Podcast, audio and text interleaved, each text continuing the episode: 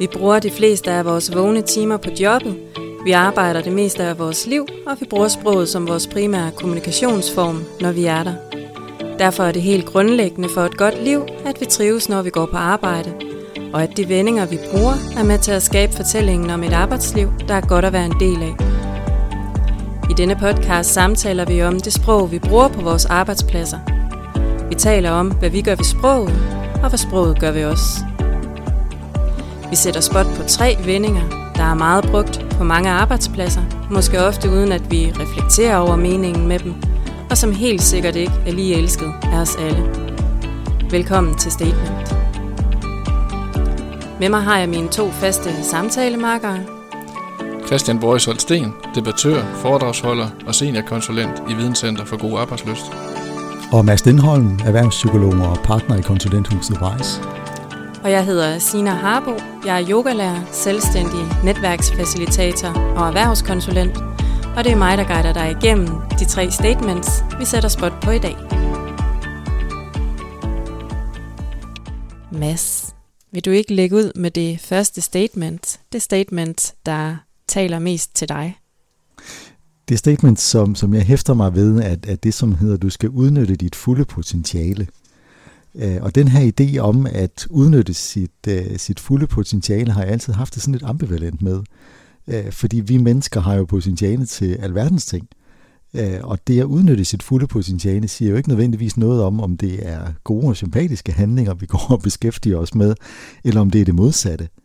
Og det kan også være, at min sådan skepsis over for begrebet afspejler min, min baggrund. Jeg er psykolog og baggrund, og og i sådan den gamle øh, freudianske eller psykoanalytiske tradition, der, der handlede øh, det jo meget om et eller andet sted også at, at lægge bånd på de sider af sig selv, som, øh, som blev fordriftstyret, eller som på anden vis var destruktive over for en selv, eller, eller over for andre.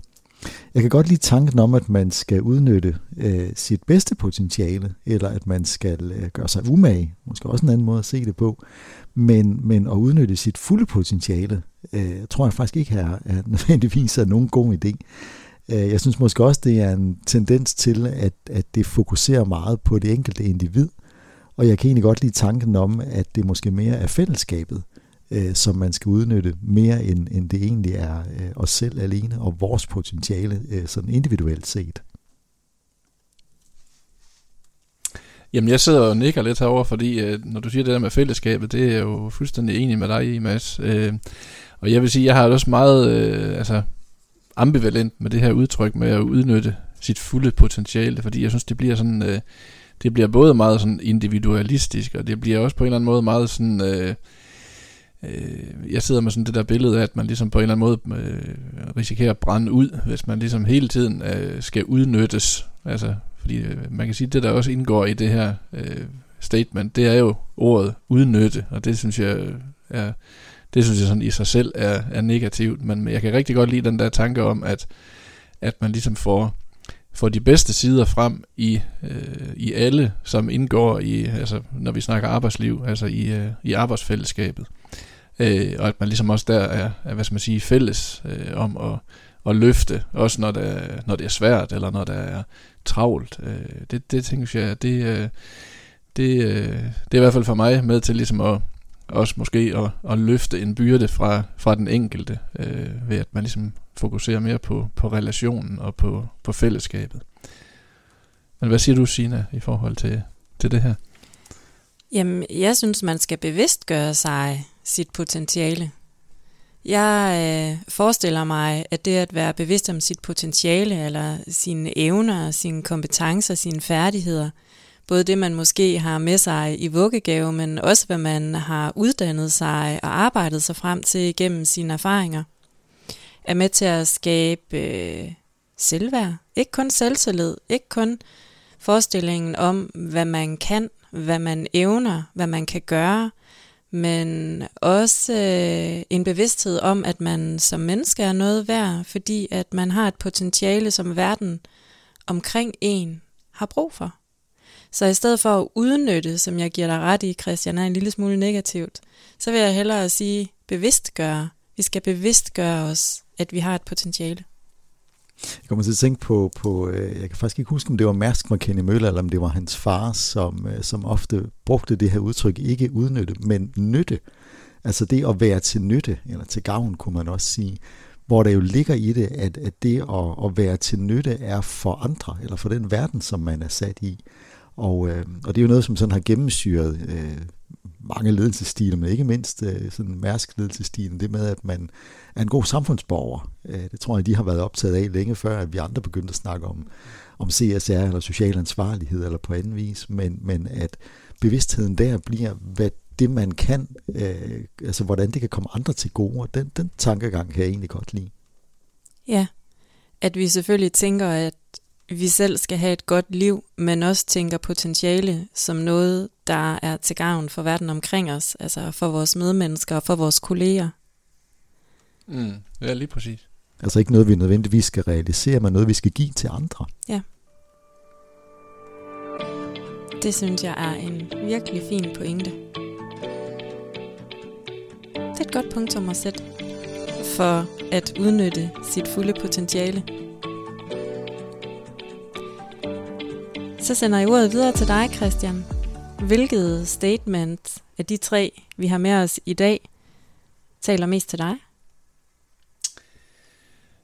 Jamen det, der taler mest til mig, det er det statement, som, øh, som hedder, må man elske sine kollegaer.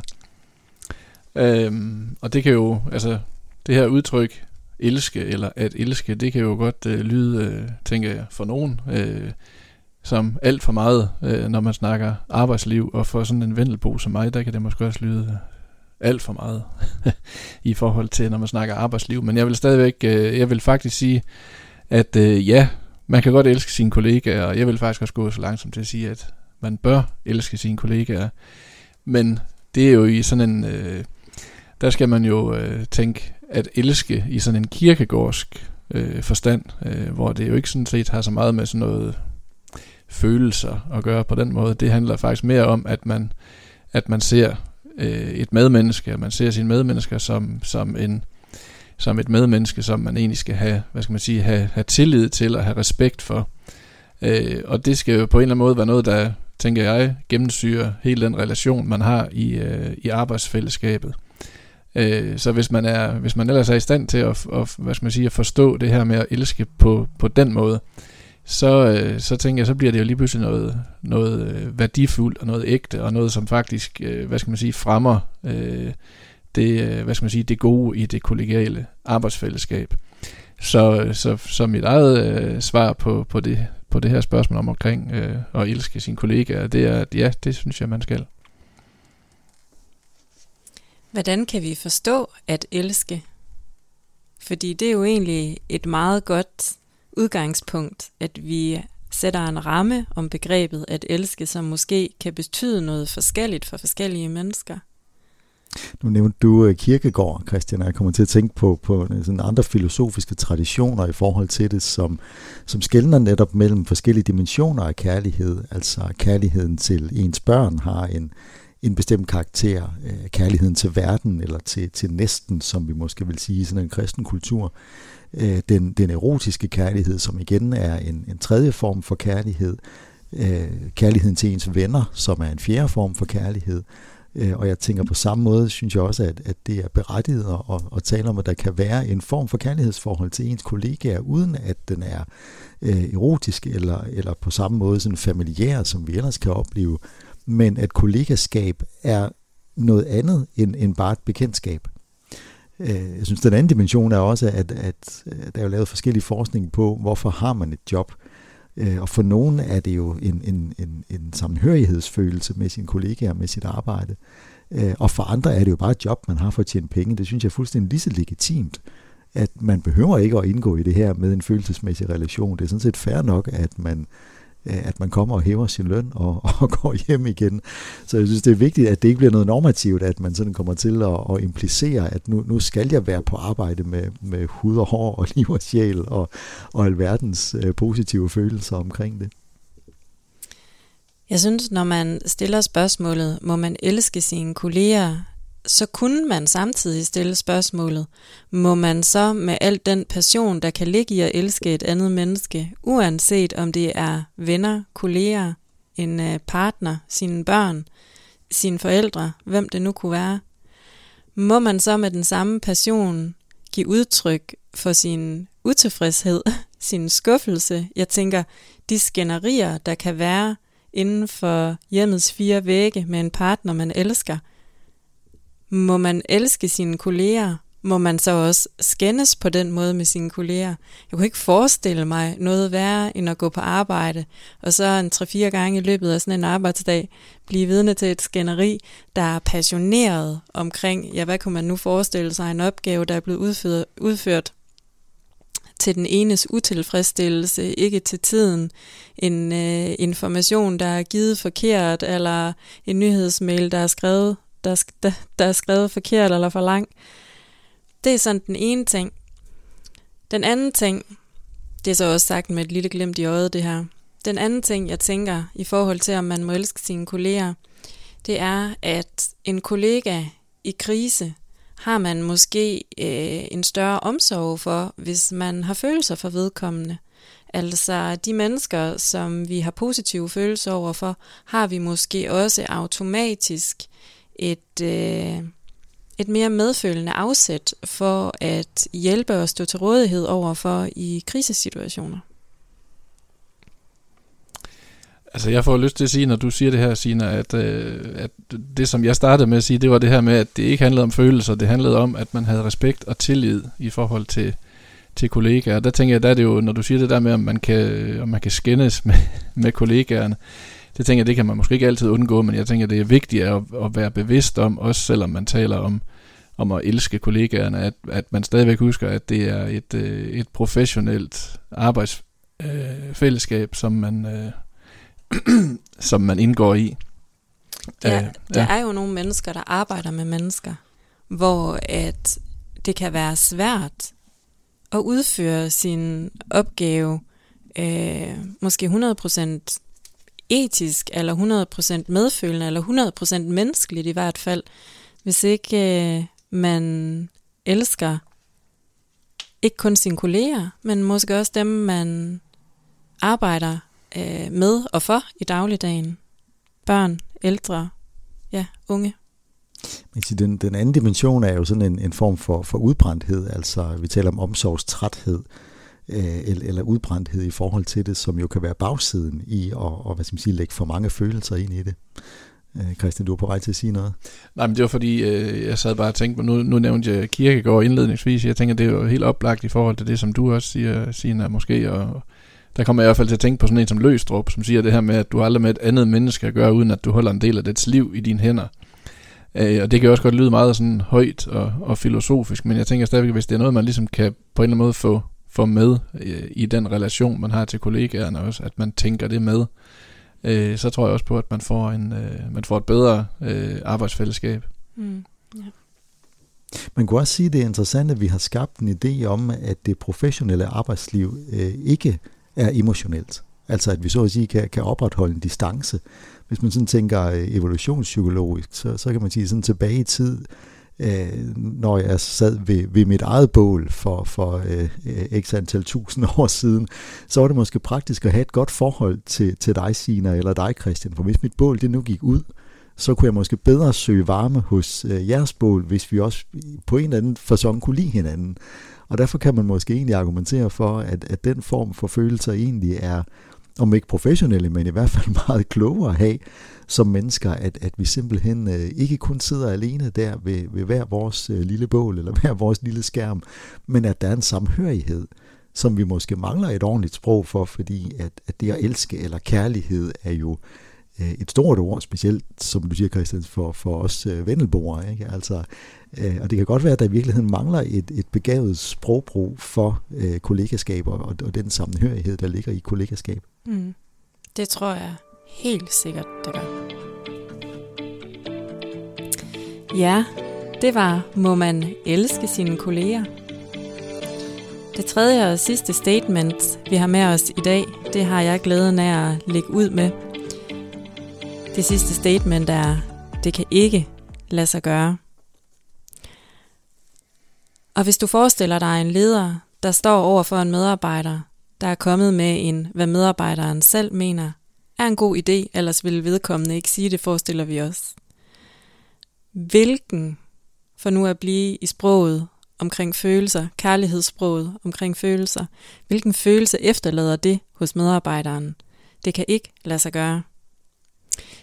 Jeg forestiller mig ikke, at det efterlader følelsen af, jeg er en kompetent medarbejder. Jeg kan godt finde ud af mit arbejde. Jeg bliver hørt, og jeg er respekteret. Og næste gang jeg får en god idé, så skal jeg bare komme og sige det. Jeg forestiller mig, at det gør det modsatte. Det kan ikke lade sig gøre. Det sætter øh, i, i, be, i bedste fald måske lige i øjeblikket, gør det medarbejderen en lille smule desillusioneret. I værste fald, så sætter det al kreativitet ud af drift. Altså, hvis der er noget, der kan dræbe, måske ikke bare en god idé, men også den efterfølgende lyst til at skabe gode idéer, så er det at få at vide, at noget ikke kan lade sig gøre. I stedet for at sige, at noget ikke kan lade sig gøre, så kan man også sige, ja, og hvordan forestiller du dig så? Og så kan man så nævne de ting, som man måske som leder kan have nogle overvejelser omkring øh, alt lige fra praktik til økonomi, eller kan du nu udføre den her idé alene, eller skal der bruges flere ressourcer på det, og hvad med dine kolleger? Så man stiller nogle opfølgende spørgsmål, så man i samarbejde med den, der leverer ideen, kommer frem til, om det kan lade sig gøre eller ej, i stedet for fra starten at sige, at det ikke kan lade sig gøre. Det er min umiddelbare tanker om det. Jeg sender ordet videre til dig, Mads. Ja, jeg tror, vi kender alle sammen de der mennesker, som, som næsten uanset hvad man siger, svarer, det kan ikke lade sig gøre. Øh, det synes jeg ikke er nogen god idé. Øh, til, til gengæld, de ledere, eller for den sags skyld, de mennesker, som er meget klare i spyttet i forhold til, det her, det skal vi, eller det her, det skal vi ikke. Det er jeg meget fortaler for. Øh, jeg tror i virkeligheden, at de gode idéer, de skal nok overleve. Altså hvis en idé virkelig er god, så, så skal den nok nå ud på en eller anden fasong. Øh, jeg tror langt hen ad vejen, at, at vi tit er udfordret ved, at de dårlige idéer får lov til at leve. Og derfor tænker jeg, at verden måske var et bedre sted, hvis der var flere, der noget tidligere havde sagt, det her, det skal vi ikke, det kan ikke lade sig gøre, det er ikke nogen god idé. Øh, så, så i et eller andet omfang synes jeg faktisk, at, at det er en fordel, hvis man er meget tydelig på, det kan ikke lade sig gøre, men med den vigtige tilføjelse, hvorfor det ikke kan lade sig gøre, eller hvorfor det her det ikke er en god idé. Jamen, jeg vil sige, at jeg, jeg bliver sådan lidt nysgerrig, når jeg, og jeg ved godt, det handler også lidt om, hvad er det for et forhold, man har til den leder, som siger, at det ikke kan lade sig gøre. Men jeg bliver lidt nysgerrig på at, at finde ud af, øh, hvad det er for en historik, der gør, at vedkommende siger, at det ikke kan lade sig gøre. Øh, fordi jeg tænker, lad os nu forestille sig, at det er sådan en forholdsvis ny medarbejder, som har fået en rigtig god idé, og den her leder er en, der har siddet i, i det job i, i mange år, øh, så tænker jeg, så, så er det i hvert fald vigtigt, som, øh, og det vil være sådan en, en opfordring til, til lederen i hvert fald, at man tager det som en, øh, man ser det som en gave, at der er en, der kommer med, med, en, med en god idé, og som måske faktisk har set noget, som, som lederen, som har siddet i den her samme kultur i, i 30 år måske, ikke har set. Øh, så, så det, er sådan, det, det vil være min øh, refleksion. Øh, og, og først og fremmest det der med jamen, at finde ud af, jamen, hvorfor, øh, hvad er det, der er sket tidligere, som gør, at, at man får det svar. Det kan ikke lade sig gøre. Det er sådan noget, gamle mennesker siger. Altså jeg kan huske dengang, jeg sagde det første gang til en, der var yngre end mig selv i, arbejds, i en arbejdskontekst. Det kan ikke lade sig gøre. Men faktisk, så, så kunne det jo godt være, at det kunne lade sig gøre. Altså nogle gange, så siger man det jo også, fordi man har fået forslaget en gang før, eller selv prøvet det af, men på et andet tidspunkt, i en anden kontekst, i en anden tid, sammen med nogle andre kolleger. Så det, at noget engang ikke kunne lade sig gøre, er ikke ens betydende med, at man ikke kan prøve det af igen under nogle nye omstændigheder, og så kan de lige pludselig godt leve. Der, der er jo noget, der givetvis er en god idé, øh, så er der sørme også meget, der ikke er.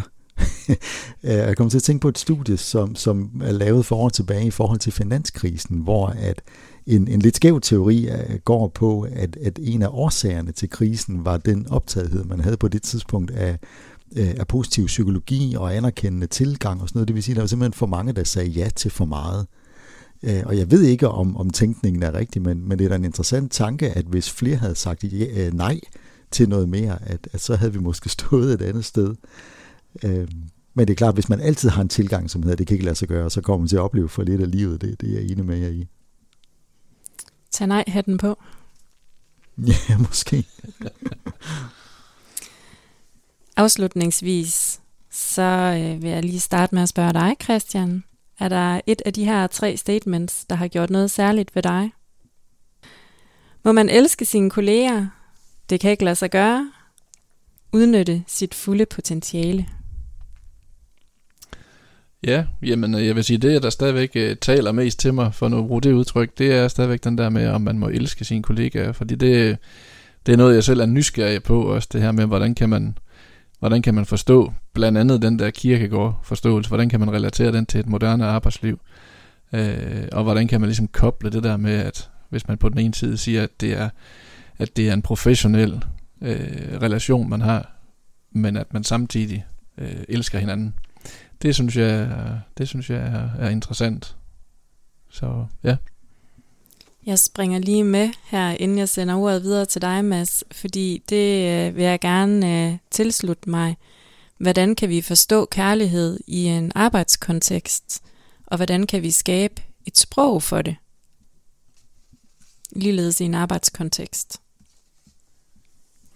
Jeg tror, hvis jeg skal tage tråden op i forhold til, øh, hvad der sådan har, har øh, Øh, hvad skal man sige, påvirket mig mest i, i vores samtale her, så, så tror jeg, at jeg vil gå hjem og overveje, om jeg er ved sådan at blive en sur gammel mand, øh, som, som har hang til nej af det. Øh, fordi jeg egentlig er overrasket over, i, i hvor høj grad øh, jeres holdning øh, er, er positiv i, i, altså i, i det her med begrebet, det kan ikke lade sig gøre, hvor I sådan er, er ret glødende modstander af det, og, og egentlig argumenterer for, at det kan godt lade sig gøre. Øh, og jeg kan godt lide tanken en gang imellem om, at, at man egentlig får et, et klart og velbegrundet nej. Øh, Øh, så nu vil, nu vil jeg gå hjem og smage lidt på, om... Øh, Øh, ja, altså jeg synes ikke, at man skal sige, at alting bare godt kan lade sig gøre. Jeg synes, at der er forskel på at sige, at det kan ikke lade sig gøre, og så stille nogle opfølgende spørgsmål, der gør, at man sammen kommer frem til, at det ikke kan lade sig gøre. Mm. Jeg synes ikke, alle idéer, de skal leve. Der, der, dertil er jeg enig med dig. Trods alt. Trods, Trods alt. alt. Altså det er jeg jo også meget enig i, men jeg vil stadigvæk, øh, altså det der måske gør, at det lyder positivt, det er, at jeg, jeg synes jo, at, øh, at eller jeg har også selv oplevet det her med, at der faktisk har været nogle blinde pletter, øh, også hos, hos ledere, hvor jeg tænker, at man skal lige give det en chance, det der, inden man bare sådan per automatik siger, at det ikke kan lade sig gøre, fordi det kan jo godt være, at øh, organisationen har ændret sig, at det er nogle andre mennesker, der er der, øh, siden at det sidst er blevet afvist som en dårlig idé. Så vi har en nej-hat, en ja-hat og en måske en, en måske-hat. Det synes jeg er meget fair. Det var de sidste ord om de tre statements, vi har behandlet og samtalt om i dag. Må man elske sine kolleger, det kan ikke lade sig gøre, og udnytte sit fulde potentiale.